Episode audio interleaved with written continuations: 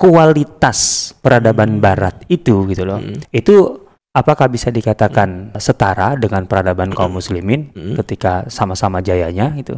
Hmm. Nah, Abdul Hasan Al-Nadawi rahimahullah mengatakan enggak.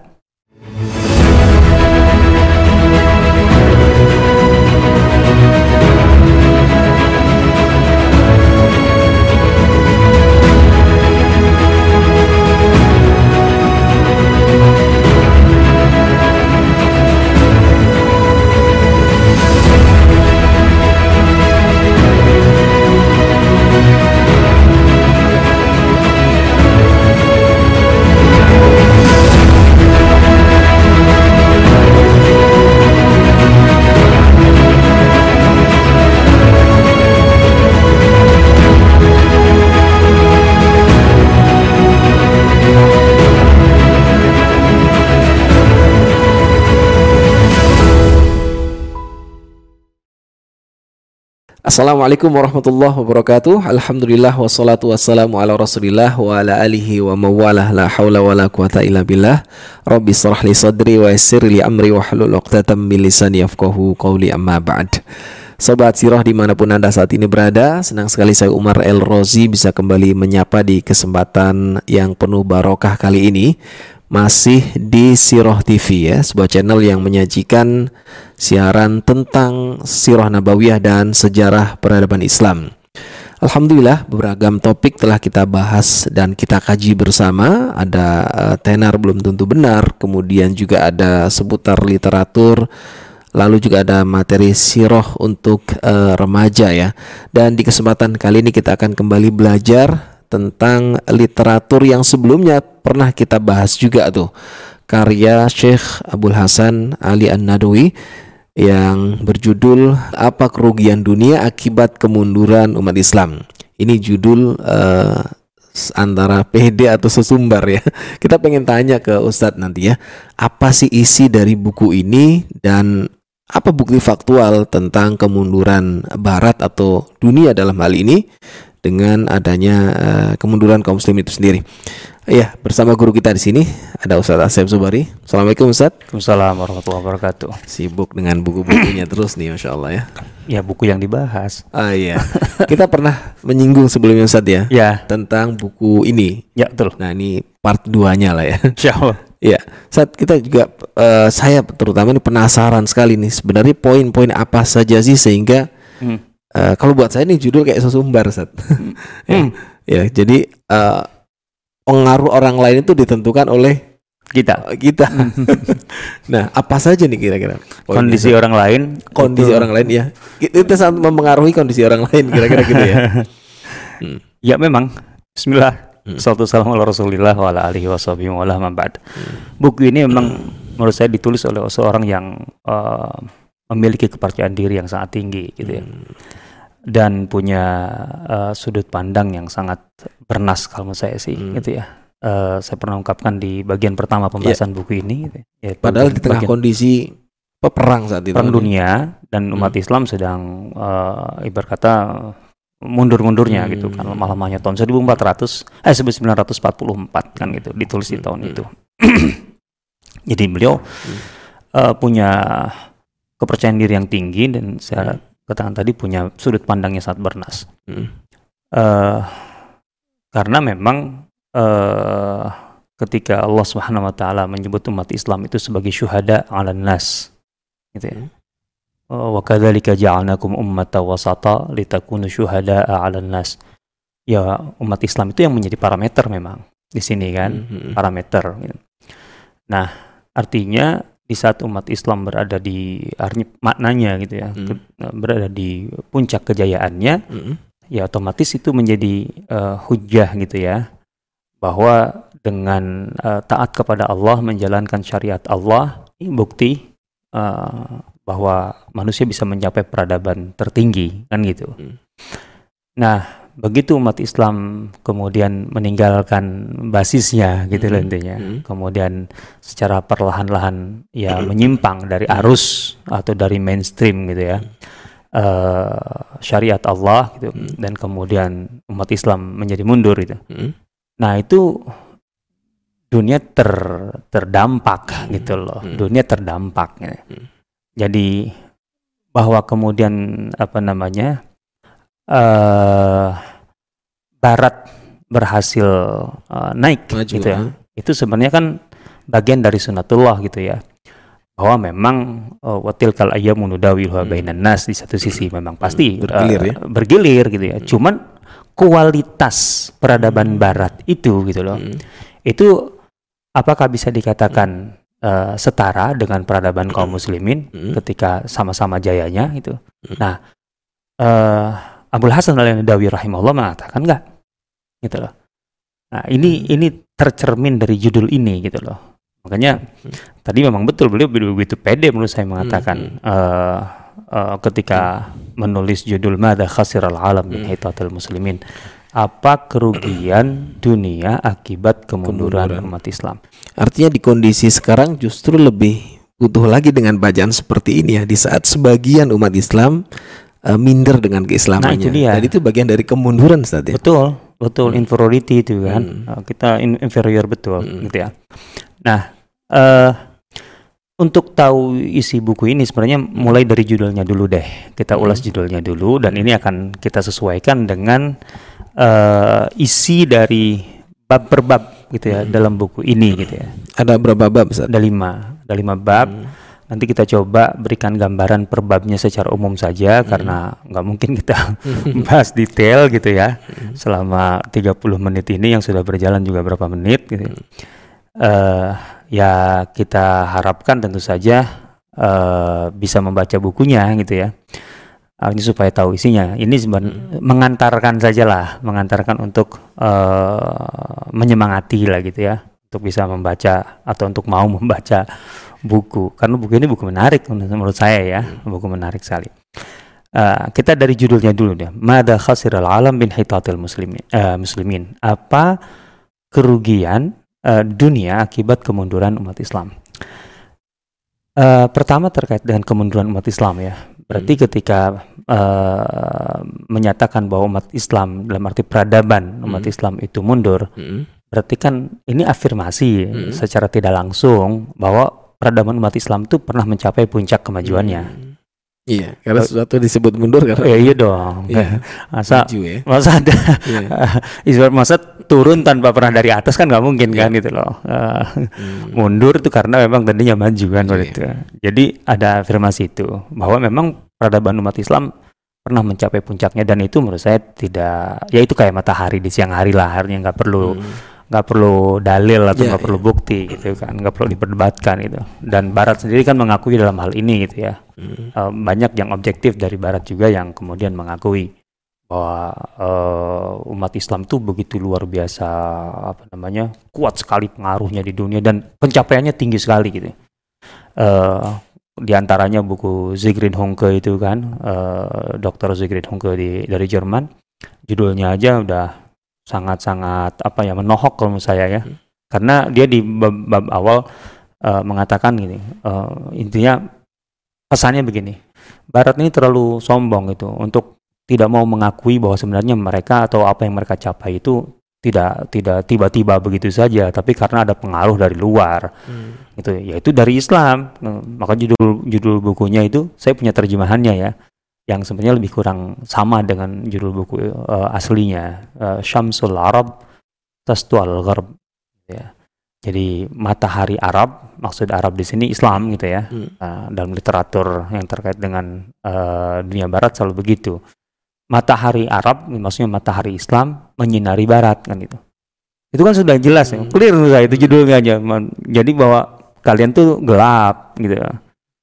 Sampai kemudian eh, apa namanya sinar matahari dari Islam menyinari kalian gara-gara itu kalian terang jadi kalian maju tuh Hmm. kan judulnya juga itu juga sama sebenarnya judul yang sangat apa istilah tadinya istilahnya Sesumbar ya. sesumbar itu kan dan itu orang orang Jerman loh ya Hmm. ya Syamsul Arab Gharb gitu Ya. kalau nggak salah buku itu tahun 1960-an deh kalau nggak salah ditulisnya artinya lebih tua buku ini Hmm. buku ini tahun 1944 gitu ya Hmm.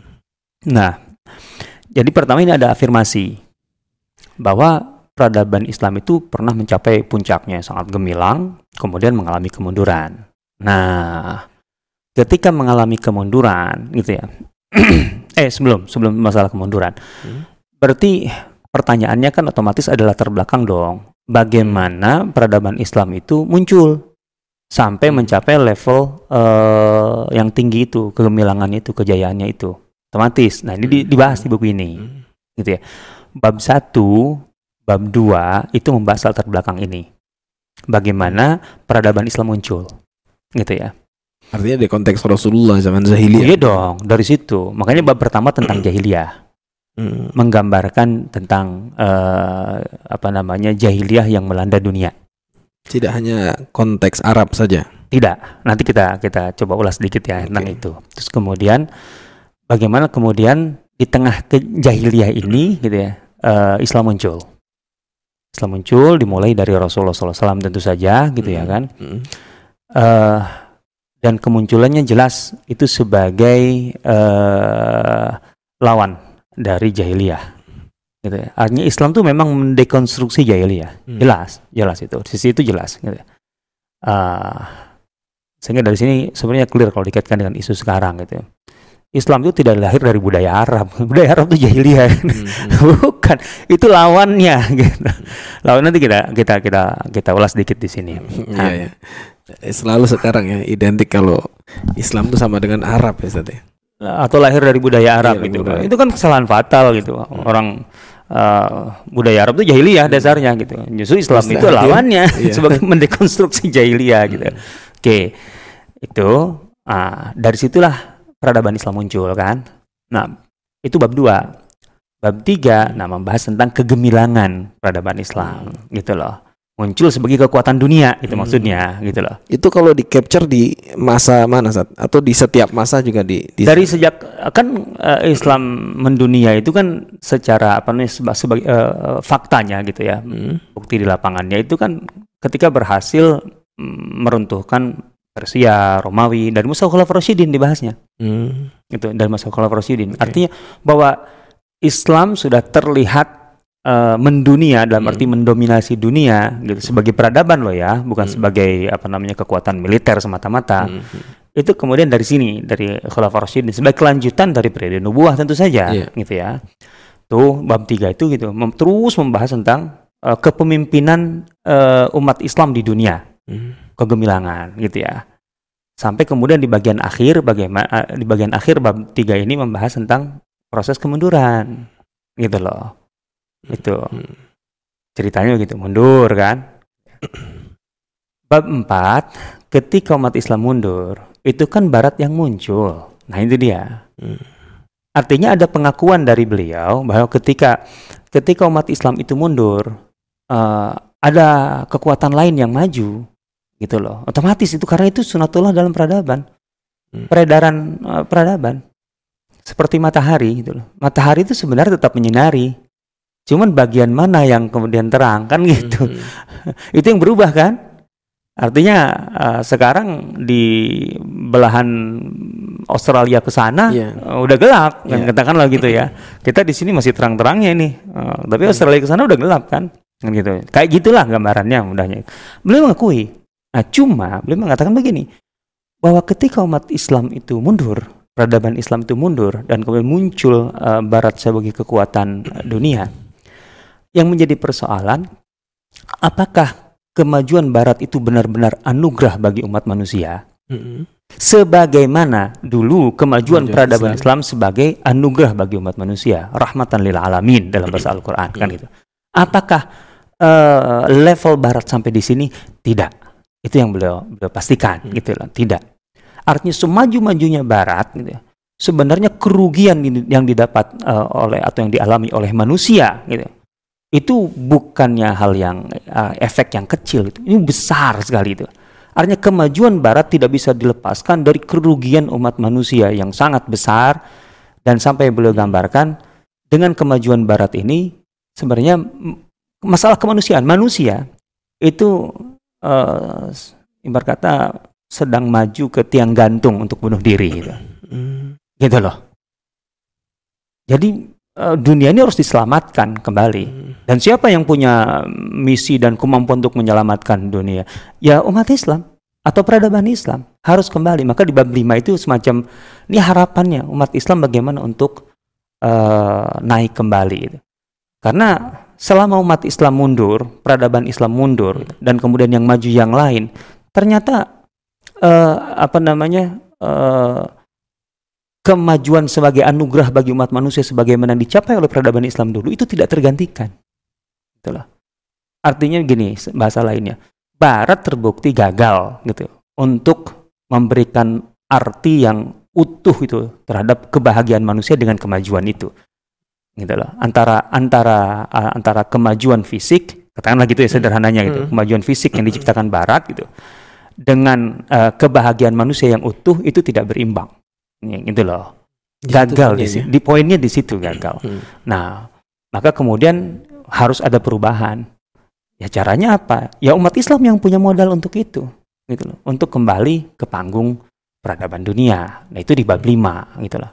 Ini hmm. kurang lebih ide besar dari seorang uh, Abdul Hasan Ali An-Nadawi rahimahullah yang menulis buku ini di usia 30 tahun waktu itu.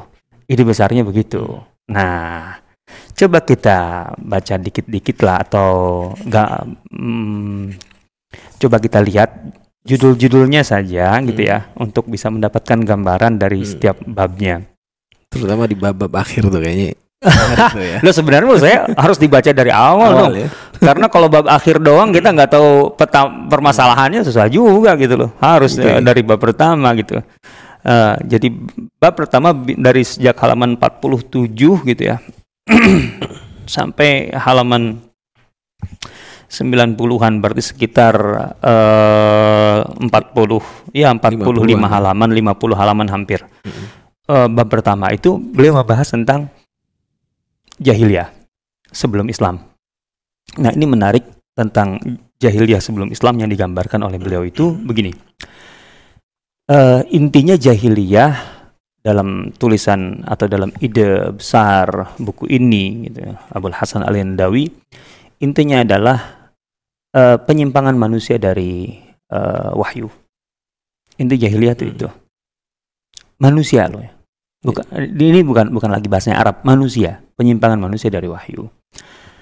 Dengan tentu saja uh, ini juga ini juga menjelaskan uh, menurut saya satu pemikiran yang sangat mendasar ya Abdul Hasan Al-Nadawi.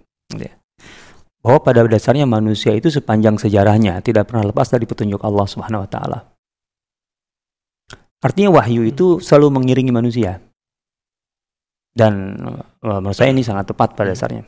Karena uh, Adam alaihissalam ketika hmm. turun ke bumi gitu ya, sebagai manusia pertama itu kan turun bersama petunjuk dari Allah. Qul nahbitu minha jami'a hmm. fa imma ya'tiyannakum minni huda Aman tabi'a hudaya fala khaufun alaihim walahum yahzanun. Jadi turunlah kalian semua ke bumi gitu ya. Nah, ketika kemudian uh, Allah menurunkan petunjuk, uh, maka ikuti petunjuk itu. Siapa yang mengikuti petunjuk Allah maka dia akan hidup dengan tenang lah intinya begitu.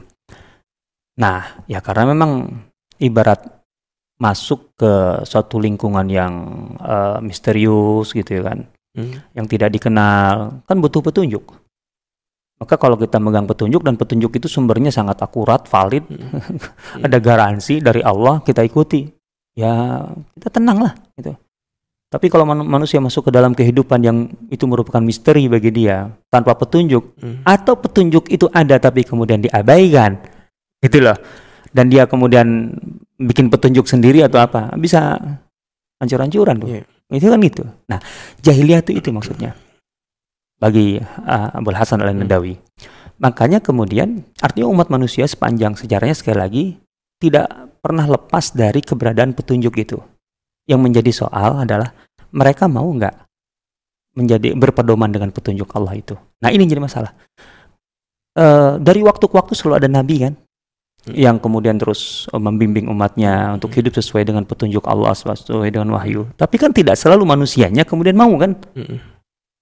Kita dapatkan dalam Al-Quran atau qasas alam lah intinya lah kisah-kisah kisah para nabi itu bahwa dari waktu ke waktu banyak sekali uh, kelompok umat manusia atau generasi umat manusia yang bersama nabinya itu justru malah uh, memusuhi nabi-nabinya, hmm. gitu, bahkan membunuh nabinya kan, hmm. kan gitu. Nah, jadi inti jahiliyah itu adalah ketika manusia tidak uh, atau oh ya tidak mengindahkan ya, atau menyimpang dari wahyu.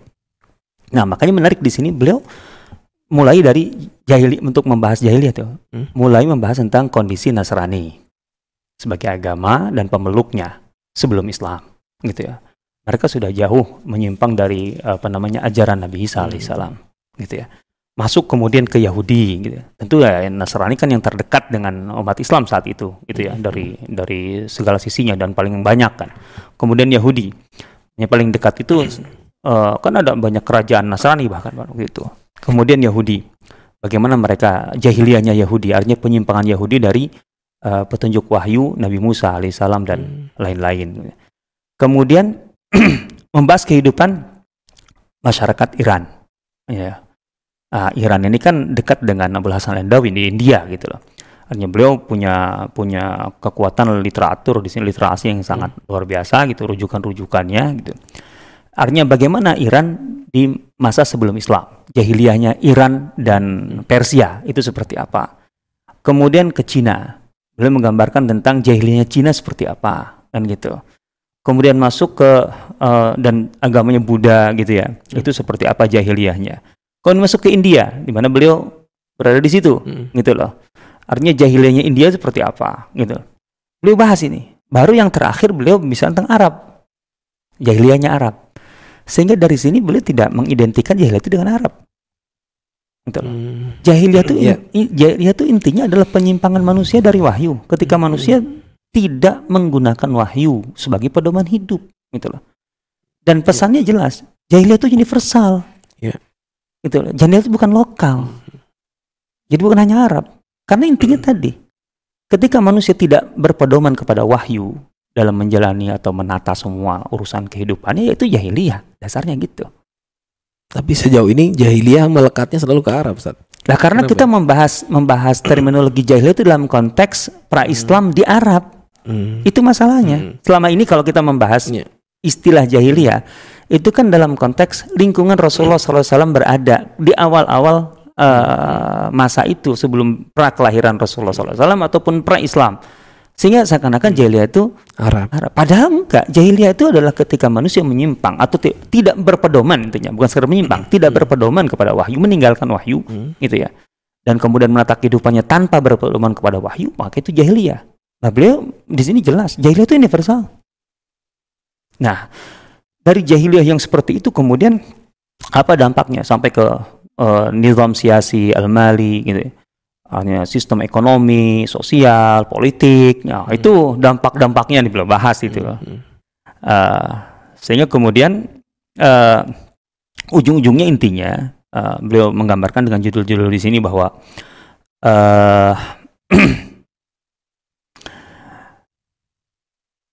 manusia hidup dengan menderita syaka al-jumhur itu ya jadi terutama masyarakat masyarakat ya karena ada ada kelas-kelas sosial dan lain sebagainya gitu loh. Maka otomatis selalu yang diuntungkan tuh yang elit gitu ya. Kemudian hmm. yang bawah itu selalu jadi korbankan. Itu di antaranya. Artinya tidak adanya keadilan dan hmm. sebagainya gitu. Ya. Dan uh, secara umum jahiliyah itu kemudian beliau uh, ungkapkan dalam satu kata yang apa namanya yang sangat singkat tapi padat sekali bahwa jahiliyah itu intinya al-insaniyah fi Jadi kemanusiaan itu nilai-nilai kemanusiaan itu dalam kondisi sekarat dengan jahiliyah hmm. itu.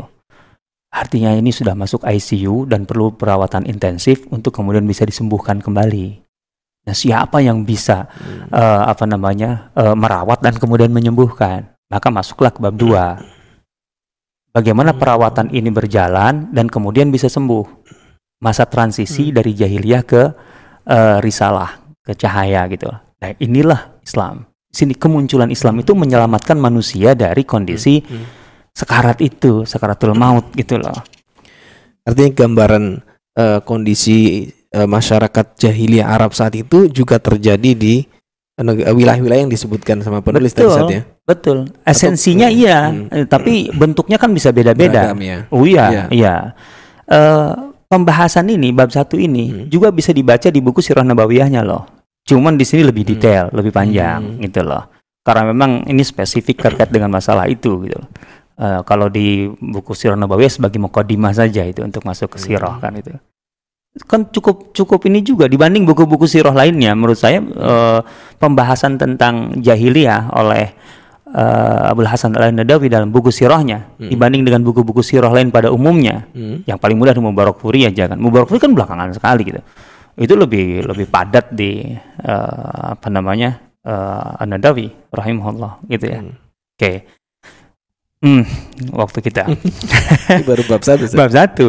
Nah, bab kedua singkat. Bab dua, yeah. bab kedua intinya bagaimana tadi proses penyembuhan manusia hmm. dari jahiliyah itu katakan itu perawatan dan penyembuhan hmm. artinya proses transisinya sampai kemudian menjadi sembuh gitu loh nah kan beliau selalu menyoroti itu adalah mas masalah nilai-nilai kemanusiaan itu manusia itu benar menjadi manusia enggak gitu loh sebagaimana yang uh, Allah ciptakan gitu hmm. Allah menciptakan manusia itu sebagai apa untuk apa gitu itu jahiliyah itu udah enggak enggak udah enggak bisa orang sudah ICU gitu nah kehadiran Islam itu untuk itu.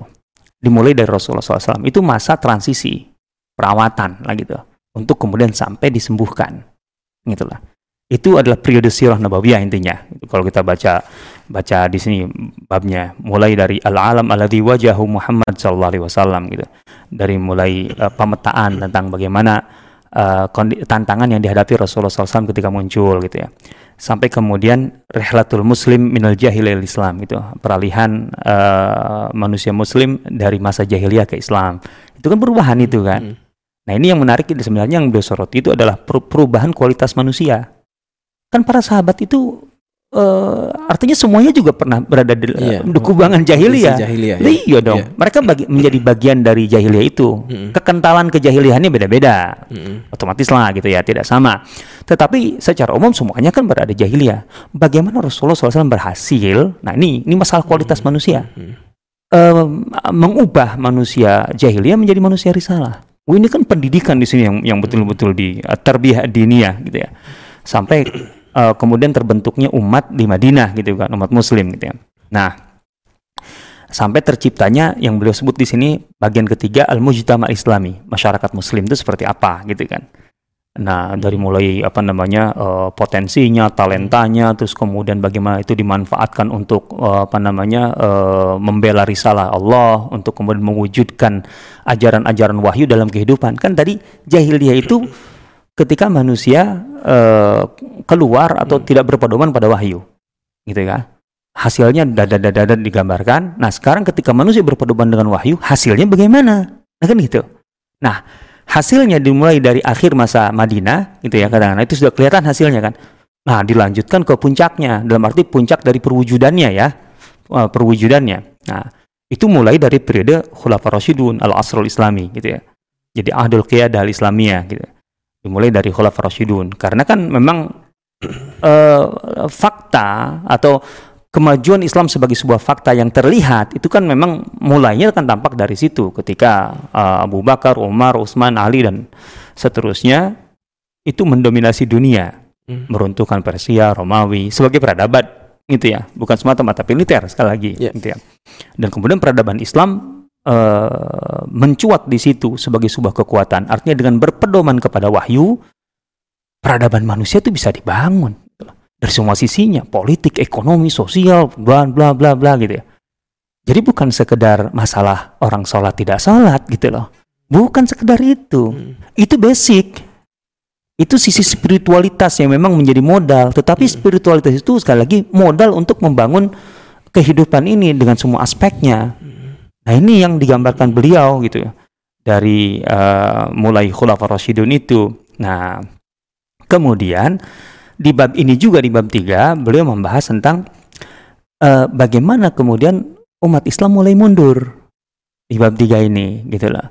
Kan itu judul besarnya kan di situ hmm. Inhitat al Muslimin. Hmm. Bagaimana Islam mundur setelah menjelaskan uh, kemajuannya satu poin yang sangat penting dari dari tulisan beliau ketika membahas tentang kemajuan. Apa sih sebenarnya yang paling menonjol dari dari atau yang men- yang paling istimewa Hmm. dari eh, keunggulan peradaban Islam itu adalah kualitas manusia yang sangat seimbang antara spiritualitas dengan eh, materi gitu loh. It- di situ keseimbangan itu yang itu melahirkan banyak hal gitu loh. Banyak hal. Eh, para sahabat saja itu. Mereka itu yang kaya banyak kan itu. Tapi seperti kata Imam Al-Busiri gitu, agniya unazaha gitu ya. Artinya kaya tapi bersih. Itu susah. Gitu. Artinya bergelimang materi tapi bersih. Bersih orientasinya, hatinya, kemudian cara mendapatkannya dari yang halal, menggunakannya juga dengan halal. Itu kan susah. Tidak ada kesombongan, kemudian tidak membentuk kelas sosial sendiri gitu. Enggak, yang kemudian membedakan mereka dari kelas eh, bawah. Kan enggak ada itu, gitu. Agnia unazaha gitu ya. Di saat yang sama ulama gitu. Ada yang fukara, fakir juga ada, tapi juga pada dasarnya ulama gitu. Eh, artinya ilmunya juga tinggi gitu kan. Itu kan susah gitu. nah, itu sebenarnya yang paling yang paling menonjol. Sikap hidup. Eh, ya kualitas manusia intinya Hmm. kualitas manusia yang betul-betul seimbang gitu ya antara aspek sp- kan spiritualitas jahiliyah di antaranya kalau spiritualitas itu menyiksa diri bahwa manusia untuk eh, lebih dekat dengan Tuhan itu ketika dia bisa menyaksi- menyiksa diri tidak boleh makan sesuatu yang bernyawa sehingga jadi haram makan daging makan apa kemudian sampai eh, apa namanya bertapa kan gitu atau Nasrani pendetanya tidak boleh nikah kan gitu Hmm. jadi mengharamkan hal-hal yang dihalalkan gitu loh. Dalam Islam kan selama itu halal boleh kan gitu. Tapi tidak berlebih-lebihan kan gitu aja. Hmm. Artinya ketika dibolehkan itu bisa mengekang syahwat. Itu menarik gitu loh. Kan itu tidak boleh tabdzir, mubadzir, tidak boleh israf, kulu washrabu wala tusrifu wala tubadzir tabdzira, gitu. Tidak boleh mengumbar syahwat kan gitu. Tapi bo- boleh, tapi jaga syahwatnya dengan akhlak itu kan gitu. Ketika miskin tidak frustasi. Nah kan itu, masih berprestasi. Abu Hurairah berprestasi, Bilal berprestasi, Abu Dhar berprestasi, yang miskin-miskin. Iya. Ali bin Abi Thalib apa lagi? Rah- eh, radhiyallahu taala anhum ajmain. Nah, sekarang ketika eh, kemudian peradaban Islam mundur, itu dimulai dari mana? Kebalikan dari yang diga- dari keistimewaan itu tadi. Intinya di situ. Hmm. Walaupun beliau mengakui gitu ya. Di di subjudul ketika memulai membahas tentang kemunduran, al-haddul fasil bainal asrain.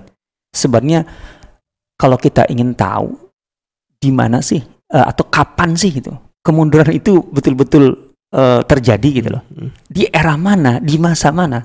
Kata beliau sulit sulit sekali untuk eh, beliau mengutip satu pernyataan eh, bahwa ada dua hal gitu dalam hidup ini yang yang pada dasarnya kita kita sulit untuk memastikan kapan itu dimulai gitu loh. Hmm. Itu pertama tidur. Ya iya kan sebenarnya. Iya. Ada nggak yang menyadari kapan pastinya dia tidur gitu. Mulai tidur gitu. Iya, iya. Dan kemunduran umat gitu loh atau suatu Hmm. bangsa atau apa. Kapan sih sebenarnya dimulainya? Itu sulit sekali. Hmm. Eh, akan dirasa ketika sudah betul-betul tenggelam. Ketika tenggelam betul Hmm. atau tenggelam dalam tidur gitu. Hmm. Oh, mulai ngorok gitu istilahnya kan saking itu baru baru tahu bahwa itu kan orang ngorok tersedak oh lagi tidur gitu. Hmm. atau ketika sudah chaos gitu sebuah masyarakat Hmm. mereka baru sadar baru ngeh oh ternyata kita sudah sudah mundur ya Hmm. nah tapi kan nah itu eh, permulaannya kapan? Itu tidak mudah kata beliau gitu. Nah cuman tanda-tandanya apa? Beliau hanya memberikan tanda-tandanya aja sinyal-sinyalnya. Nah ini yang beliau beliau apa namanya eh, bahas. Dimulai dari apa? Eh, tadi tentang tentang keistimewaan peradaban Islam kemudian bisa dikatakan Islam itu mendunia karena faktor apa sih? Gitu. Eh, peran peran Islam di dunia ini sebagai pemimpin peradaban dunia ya ketika jihad dan ijtihad itu betul-betul menyatu gitu loh. Eh, ini istilah beliau belum menjelaskan jihad dalam arti yang lebih luas ya yang luas gitu intinya jadi jihad itu lebih kepada totalitas umat Islam dalam berkontribusi gitu ya dalam menggali dan berkontribusi dalam segala bidang gitu. Jihad di situ ijtihad dan jelas ijtihad masalah ilmu intinya.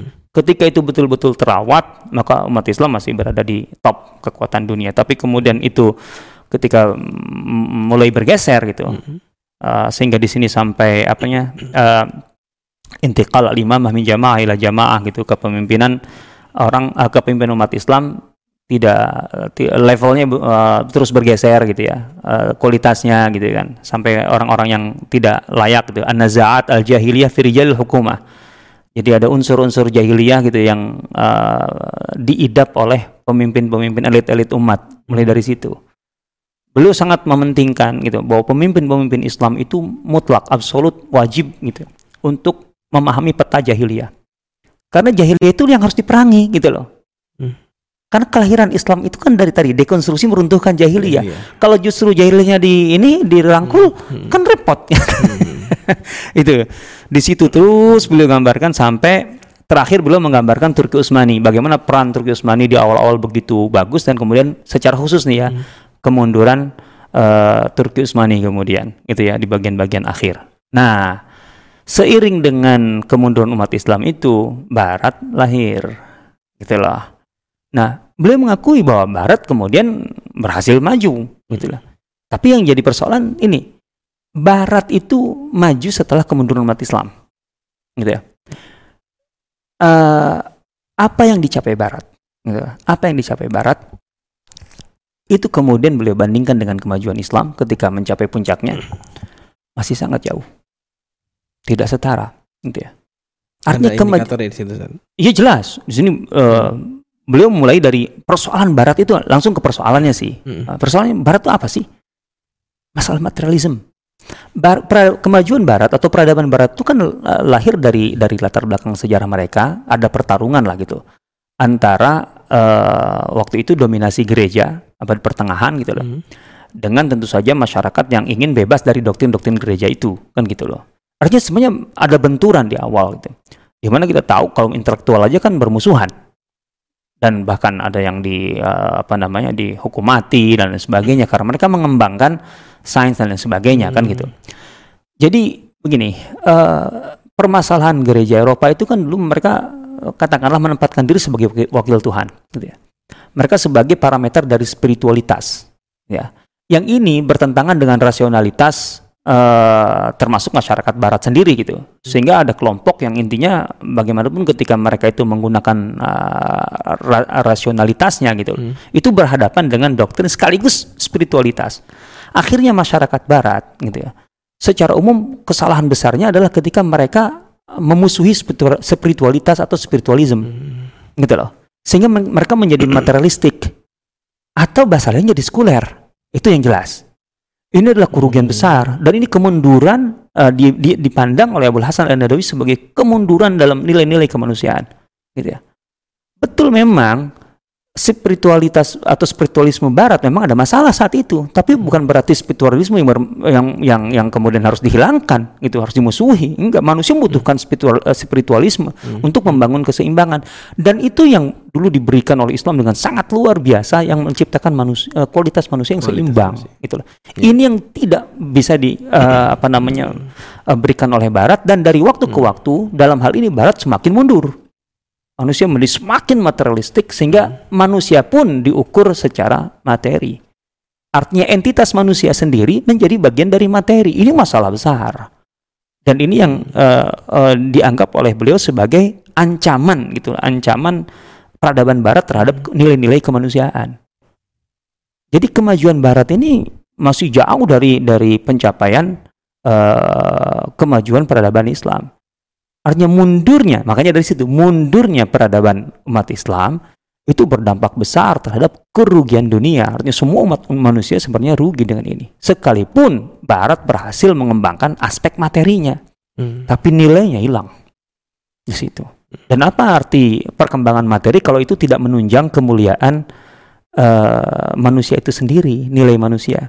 Kan dasarnya gini, ketika manusia diberi kemudahan oleh Allah dalam dalam Islam ya. Hmm itu kan untuk menunjang kemuliaan manusia. Walakad karamna bani Adam. Bagaimana manusia itu mukarram gitu ya, ada karamah gitu.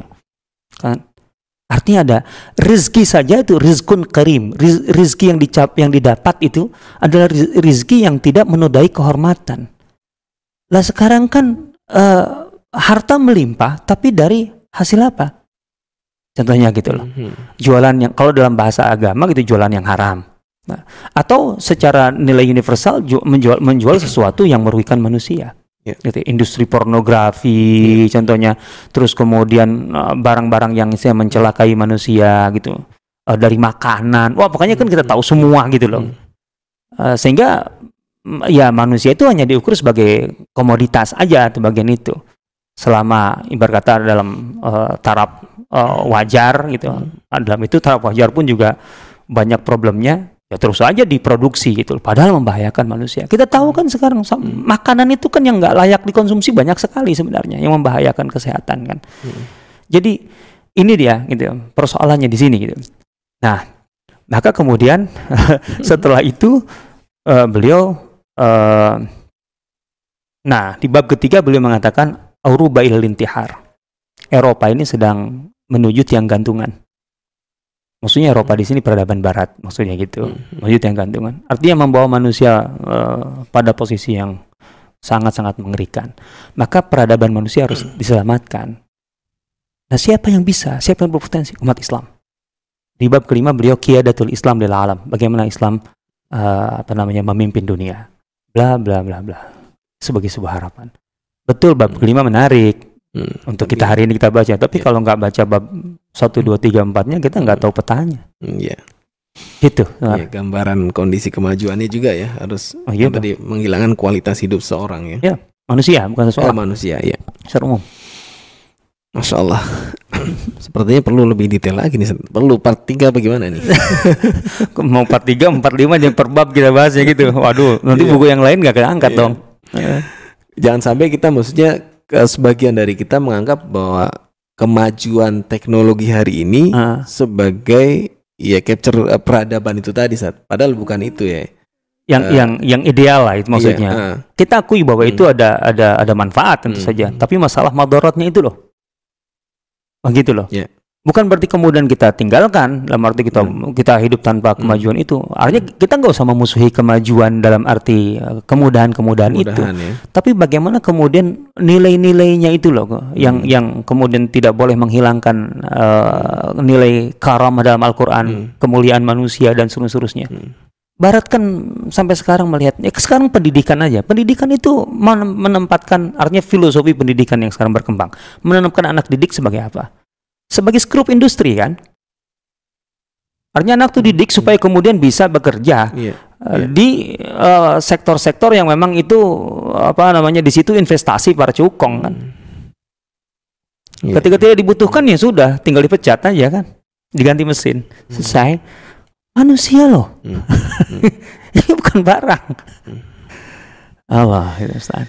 Baik, kita dibatasi durasi seperti ini Ustaz. Ya, Ya, walaupun pengen sih untuk terus dibahas karena menarik sekali dan Hmm. sangat eh, sejalan dengan kondisi kita hari ini ya untuk bisa tahu sekaligus Hmm. memberi solusi namanya di bagian bab akhir tadi saat ya. Mm, ya Sikap ataupun clue-clue, clue-cluenya lah gitu, Hmm. karena masih harus banyak yang digali kan menurut saya. Baik, jazakallah Ustaz. Oh iya. Oke, teman-teman sahabat Siroh itu tadi eh, bincang kita di kesempatan kali ini seputar literatur dari bukunya Syekh Abdul Hasan Ali Anadawi rahimahullahu taala. Semoga ada faedah yang bisa kita ambil dan jangan lupa nantikan video-video kami berikutnya sekaligus simak tayangan seputar Siroh yang sudah kami tayangkan. Semoga menambah kecintaan kita kepada Rasulullah dan membanggakan dengan peradaban Islam. Akhirnya saya Umar El Rozi dan narasumber undur diri. Subhanakallahumma bihamdika asyhadu an la ilaha illa anta astaghfiruka wa atubu ilaik. Assalamualaikum warahmatullahi wabarakatuh. Waalaikumsalam warahmatullahi wabarakatuh.